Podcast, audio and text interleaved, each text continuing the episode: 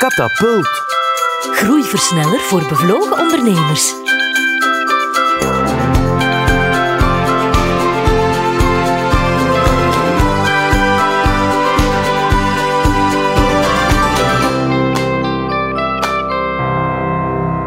Welkom beste ondernemer bij een nieuwe aflevering van Katapult, de podcast waarin we elke week op stap gaan met een boeiende ondernemer.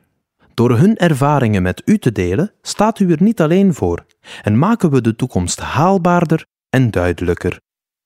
Christina, waar breng je ons vandaag heen? Vandaag gaan we naar Poperingen. Bertrand Poeselen is zaakvoerder van familiebedrijf Het Woonhuis, een meubelzaak die van eigentijds wonen en slapen zijn missie maakt. Zo lees je op de website. En dat is niks overdreven. Bertrand Poeselen is inderdaad een man met een missie. Hij heeft een heel uitgesproken mening over de toekomst van de retail in de stadskern. En hij zet zich ook keihard in om die toekomst waar te maken. Kernwoorden in zijn verhaal zijn anticiperen, samenwerken en zelf de toekomst maken. Bertrand doet dat in het woonhuis heel concreet met bijvoorbeeld een sterk uitgebouwde webshop en hij maakt een punt van persoonlijke service en persoonlijke leveringen wereldwijd. Over andere innovatieve trends en toepassingen laat ik hem zelf vertellen. Ik ben met hem op wandel gegaan in zijn stad Poperingen. Let's go! Dit is mijn ouderlijk huis. Oké. Momenteel een kantoor. Vroeger winkel van rookwaren en lederwaren. Heel gezellige winkel. Ja? Met goede klanten. Klanten die gelukkig waren. En eh, mijn vader en moeder die ook gelukkig waren als kleine middenstander. En hier zijn we opgegroeid. Opgegroeid in, eh, op het ritme van de winkel. En in de bezigheid van de winkel. We zijn daar heel gelukkig geweest. We hebben een goede opvoeding gekregen, een goede opleiding gehad. En we zijn blij dat we eigenlijk de ziel hebben behouden van de winkel, maar dan in een andere branche. Ja. Zeg, de familiezaak zoals jij die gekend hebt en waar jij ook in bent opgegroeid, bestaat dat vandaag nog? Ik denk niet dat het uh, op zich uh, nog bestaat of nog zou kunnen worden opgestart in diezelfde microvorm. Hè, want het gaat om een, om een kleine cirkel van, van mensen. Je moet natuurlijk de dag van vandaag zoveel competenties verzamelen, zoveel specialisaties verzamelen, dat je dat heel moeilijk nog kunt terugvinden in uh, vader, moeder, uh, kinderen. Dat zou een zeer grote opdracht zijn. Het is een unieke combinatie. En, en waarom lukte dat dan vroeger wel? Uh, ik denk dat de vereisten ook niet zo groot waren. Hè. Als we denken aan digitalisering, we denken aan administratie. dat zijn allemaal dingen die vandaag heel veel inspanningen vragen, heel veel energie vragen. De concurrentie is natuurlijk ook veel groter. Je moet je afwegen en je moet je kunnen identificeren ten opzichte van zeer veel andere spelers die verderop in het land ook beschikbaar zijn voor de consumenten hier. Dus dat lokale gebeuren, dat omsloten lokale gebeuren is er niet meer. Mm -hmm. We zijn uh, veel breder geworden op de markt. En het kleine familiebedrijf zal daar waarschijnlijk een te grote beperking voor zijn. Ja. Wat was jouw persoonlijke drijfveer, Bertrand, om, uh, om ook een zaak te starten? En, en waarom dan eigenlijk precies een meubelzaak? Goh, um,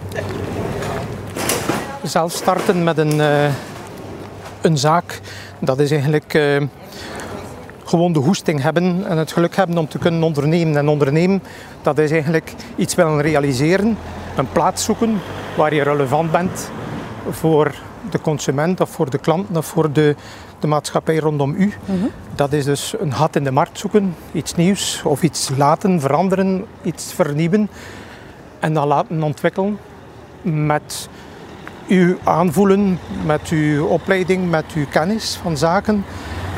En dat zelf realiseren en laten ontwikkelen met de mensen naast u. Dat, ik denk dat dat de, grootste drijfveer is. Ja? Als ik jou hoor zeggen, ondernemen, dat is iets nieuws in de markt zetten. Um, het uitwerken, het uitbouwen, dan lijkt mij ondernemen sowieso al een beetje innoverend te zijn, altijd. Ja, ik denk dat ondernemen eigenlijk gelijk staat aan uh, voortdurend leren, voortdurend ontdekken en voortdurend innoveren. En dat lijkt een natuurlijke gelijkheid te zijn, ondernemen en innoveren.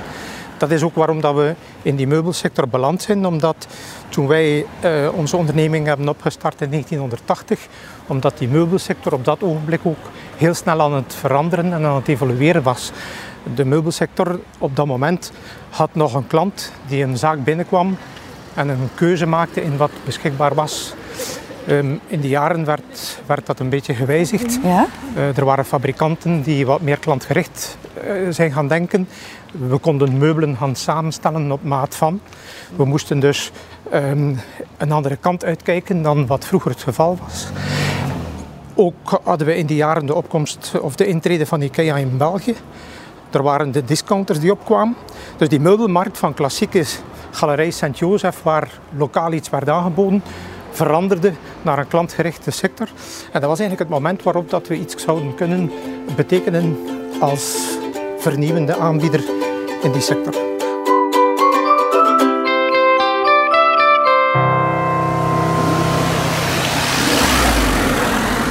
De markt zit dus hier Aha. aan de rechterkant. De vrijdagmarkt? Ja. Dat is een traditie die blijft, hè? Markten? Ja, in, in Popering is de vrijdagmarkt een heel gekende markt. Vandaag is het natuurlijk leuk omdat het een vrije vrijdag is. En een zonnige mhm. vrijdag is. Ja. En dan krijgen we natuurlijk alle, alle vrije mensen vandaag op de markt. Dat betekent ook in brok gezelligheid. Maar het is een uitdaging natuurlijk om een vrijdagmarkt goed te laten doorgaan en aantrekkelijk te houden. Misschien moeten we in de toekomst de timing van de markt wat aanpassen aan de actieve bevolking. Ja, ja, want niet iedereen kan inderdaad, zoals je zegt, op een vrijdag voormiddag eh, een paar uurtjes vrijmaken om naar de markt te gaan. Nee, het zou bijvoorbeeld leuk zijn om dat in de latere namiddag te plannen en dan in de avonduren laten doorgaan. Uh, of eventueel uh, uit te kijken of dat in minder goed weer in een overdekte plaats kan gebeuren. Waardoor dat de sfeer behouden wordt maar dat hij dan ook in, uh, op de slechtere momenten, van, van de slechtere weersmomenten ook kan doorgaan. Dat is ook innoveren in de stadskern. Ja, want het is, uh, een vrijdagmarkt is natuurlijk een kerngebeuren. Het gebeurt in de kern van de stad en het brengt mensen samen. Het is voor een heel stuk ook een uh, sociaal gebeuren. Hè. Ja, ik denk dat dat, uh, dat dat een van de taken is van uh, de middenstand en de, de zelfstandige handelaar, de retailer. Die, die brengt mensen samen. Ze moeten een beetje lief. Voor vier luidjes. En de markt is daar een mooi voorbeeld van.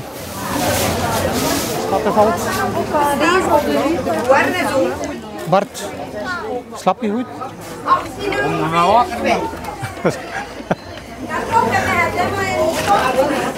Heeft die meneer een bed van u gekocht? Ja. Ja? Vorige week hebben we het geïnstalleerd. Aha. Maar hij, ziet er goed uit.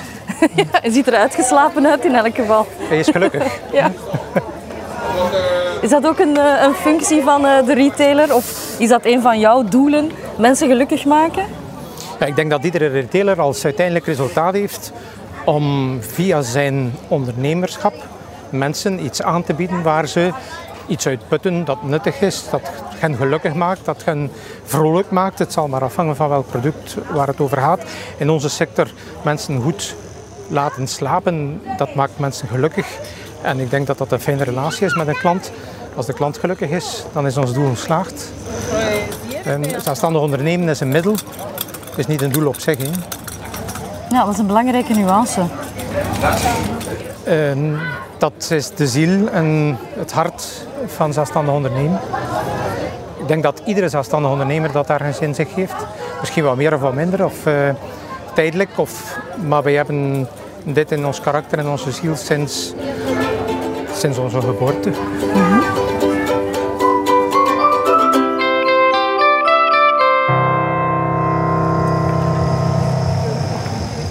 Is lokaal de toekomst in een geglobaliseerde wereld, Bertrand? In een geglobaliseerde wereld moeten we wereldwijd denken. Ik denk dat vooral naar kennis toe, naar ontwikkeling toe, dat wij onze ogen en oren heel breed moeten uh, nemen. Maar naar uh, het connecteren met mensen gaan we natuurlijk altijd de basis, de korte keten, de lokale omgeving niet mogen vergeten, want dat is eigenlijk het belangrijkste, het meest directe, daar waar wij het best kunnen in presteren. En we moeten natuurlijk omgekeerd ook rekening houden dat onze klantenbestand internationaal of heel divers wordt. De wereld die komt ook onze lokale deur binnen. Dus moeten we ook ons open plaatsen naar andere culturen toe in wat wij aanbieden. Ik denk dat dat een heel grote uitdaging is voor de toekomst.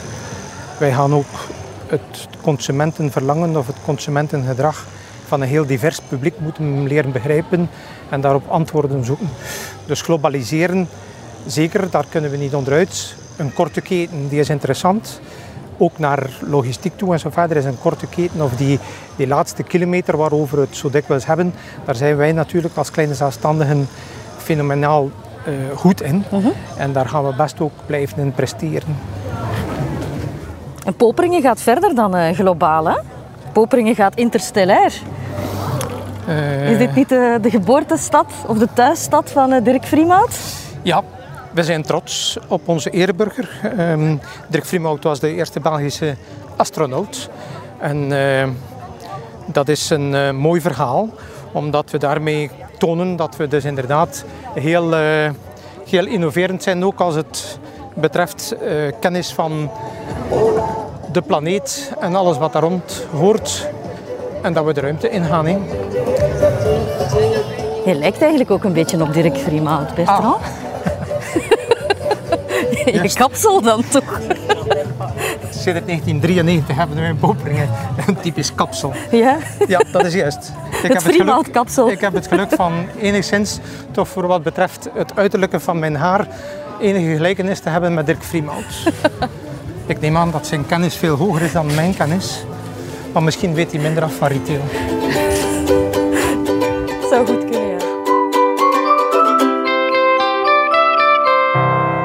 We zitten hier op een rustig terrasje, Bertrand. Een beetje weg van het stadsgewoel. Het is uh, druk hè, op een vrijdag voormiddag in Poperingen. Dat is een goed gevoel. Ja, dat is een goed de gevoel. stad leeft. De stad leeft. Mensen zijn gelukkig. Mensen gaan door de stad heen. Die bezoeken de vrijdagmarkt, die doen een terrasje. En daar zie je dan ook wat de samenhang van horeca en retail, de samenhang van de functies van de stad, dat dat perfect lukt. En dat is goed toeven. Dat is goed om in Poperingen te wonen, goed om in Poperingen te werken en te winkelen. Mm Hoe zie jij de toekomst van de retail in de stadskern, Bertrand? Voor welke grote uitdagingen staat de sector? De sector als retailer en dan voor de lokale zelfstandige retailer, als we dat kunnen omschrijven. Ik denk dat de grootste uitdagingen die er momenteel zijn, dat zijn alle gevolgen van de digitalisering. Op zich is de digitale wereld en het WWW is een geschenk gods, omdat wij daarmee een enorme service kunnen aanbieden aan onze klanten. Maar het heeft een aantal gevolgen en het stelt een aantal dingen in vraag. En dat is de grootste uitdaging voor de lokale zelfstandige ondernemer. Ik geef maar het voorbeeld van de kostprijs. Dat is al het eerste waarmee dat veel mensen geconfronteerd worden. Digitaliseren is een enorme kostprijs. De digitalisering dat betekent hoofdzakelijk dat ons verdienmodel zoals wij dat historisch kennen, het aankopen bij je producent, het aanbieden aan de klant, het argumenteren, het adviseren, het bij de klant brengen en de dienstnaverkoop. Het verdienmodel daar, daarbij was dus de bruto marge tussen het aankopen en verkopen van zoiets. Maar die opeenvolging van stappen ten opzichte van die klant, die is meer en meer zich gaan opsplitsen. En uiteindelijk is door de digitalisering ook het effectief aankopen los van al die andere stappen. Wat betekent dat de inspanningen naar die bruto-marge, naar dat verdienmodel, dat die eigenlijk niet altijd meer beloond worden.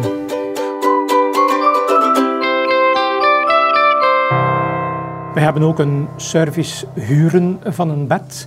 Daarmee willen we mensen activeren die voor een tijdelijke een, voor een bepaalde tijd of voor bepaalde gasten of voor um, een bepaalde functie die ze nodig hebben, kunnen zij een bed huren in plaats van een bed aan te schaffen. Oh. En dan hebben we nog andere mogelijkheden, de gratis verhuisservice. Uh, Daar gaan we dus mensen begeleiden bij het verhuizen van hun meubilair of hun installatie. En op die manier gaan we dus op zoek naar nieuwe activiteiten waarmee we de klanten kunnen betrekken in de winkel. Soms kunnen we dat dus co-creatie noemen, want wij gaan bijvoorbeeld ook mensen gewoon producten laten testen. Hebben we nieuwe producten, ik geef u een voorbeeld, een nieuw product als een matrasbeschermer die tijdens de zwoele nachten u wat minder laat transpireren, dan kunnen we onze mensen, onze klanten daarbij betrekken, gaan gratis zoiets ter beschikking stellen voor een aantal weken. en een commentaar. Ja. ja. dat, dat zal die club van de goede slapers activeren. Dat brengt mensen met hun commentaar en hun betrokkenheid terug in de winkel. En dat worden dan natuurlijk bijzonder goede ambassadeurs. Mhm. En dat is belangrijk, hè? van je klanten ambassadeurs maken? Ja, ze zijn ons kapitaal.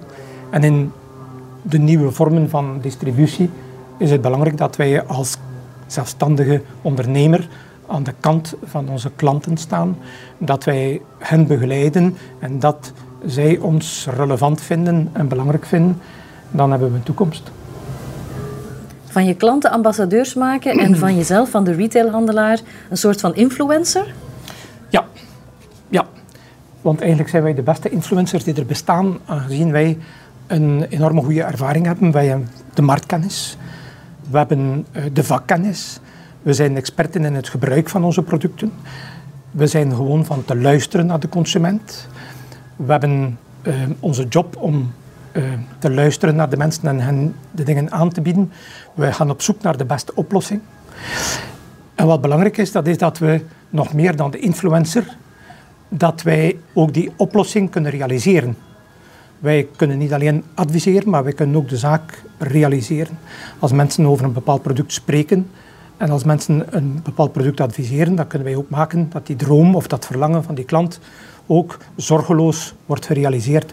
Dus we zijn nog wat breder dan een influencer. We kunnen nog wat meer presteren. Alleen moeten we die rol van influencer meer op tafel gooien. En wij moeten ook richting onze producenten dat verhaal wat duidelijker maken. Want precies een influencer heeft die mooie taak ten opzichte van de producent om het artikel of het product waarover hij spreekt te herverpakken of te interpreteren in functie van zijn doelpubliek.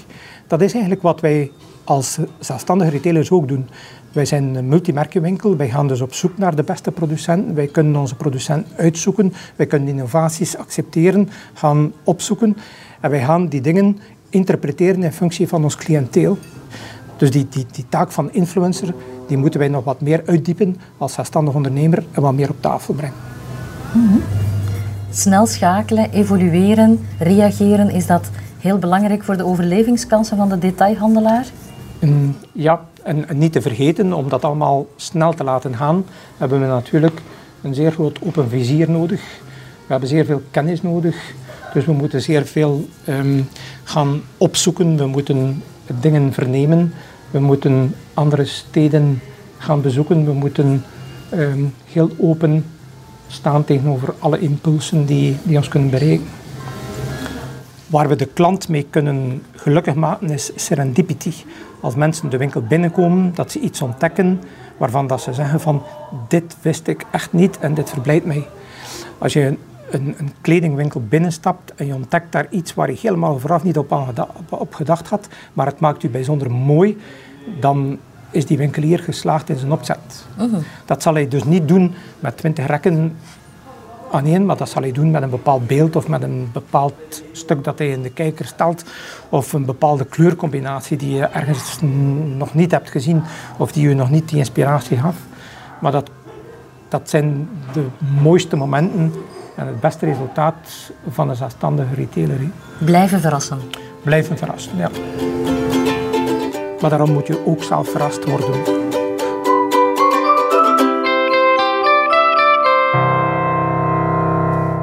De retailer heeft de vinger aan de pols. Zoveel is duidelijk als je het verhaal van Bertrand Poussele hoort. Maar wat hebben we verder nog van hem opgestoken? 1. Zelfstandig ondernemen is een middel geen doel op zich. 2. In een globaliserende wereld moeten we wereldwijd denken. Naar kennis en ontwikkeling toe moeten we onze ogen wagenwijd open houden. De wereld rolt onze deur binnen en dus moeten we ons aanpassen aan verschillende doelpublieken. En drie, misschien wel de belangrijkste les van vandaag. Blijkbaar heeft iedereen in Poperingen een Dirk Freemout kapsel. Dat moet daar nogal een zicht zijn. Goed, met deze belangrijke info ronden we de katapult van deze week af, maar spring nog niet meteen in uw wagen om de Poperingse kapsels te gaan bewonderen, want zo dadelijk heeft Bertrand Poesele voor u nog de ultieme ondernemerstip in petto. Tot de volgende katapult.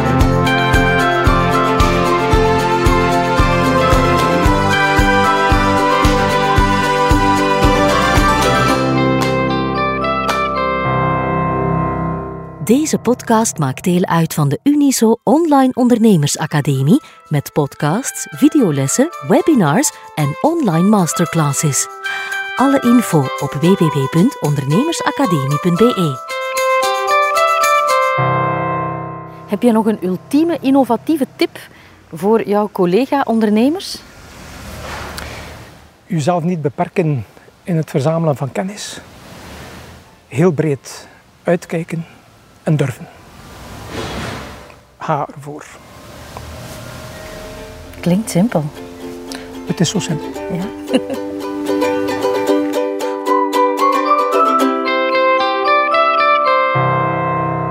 Deze podcast kwam tot stand met de steun van Sintra Vlaanderen en Liantis. Liantis wil innoverende ondernemers alle ruimte geven om te doen waar ze goed in zijn. En daarom zette het met veel goesting en plezier de schouders onder deze podcastreeks.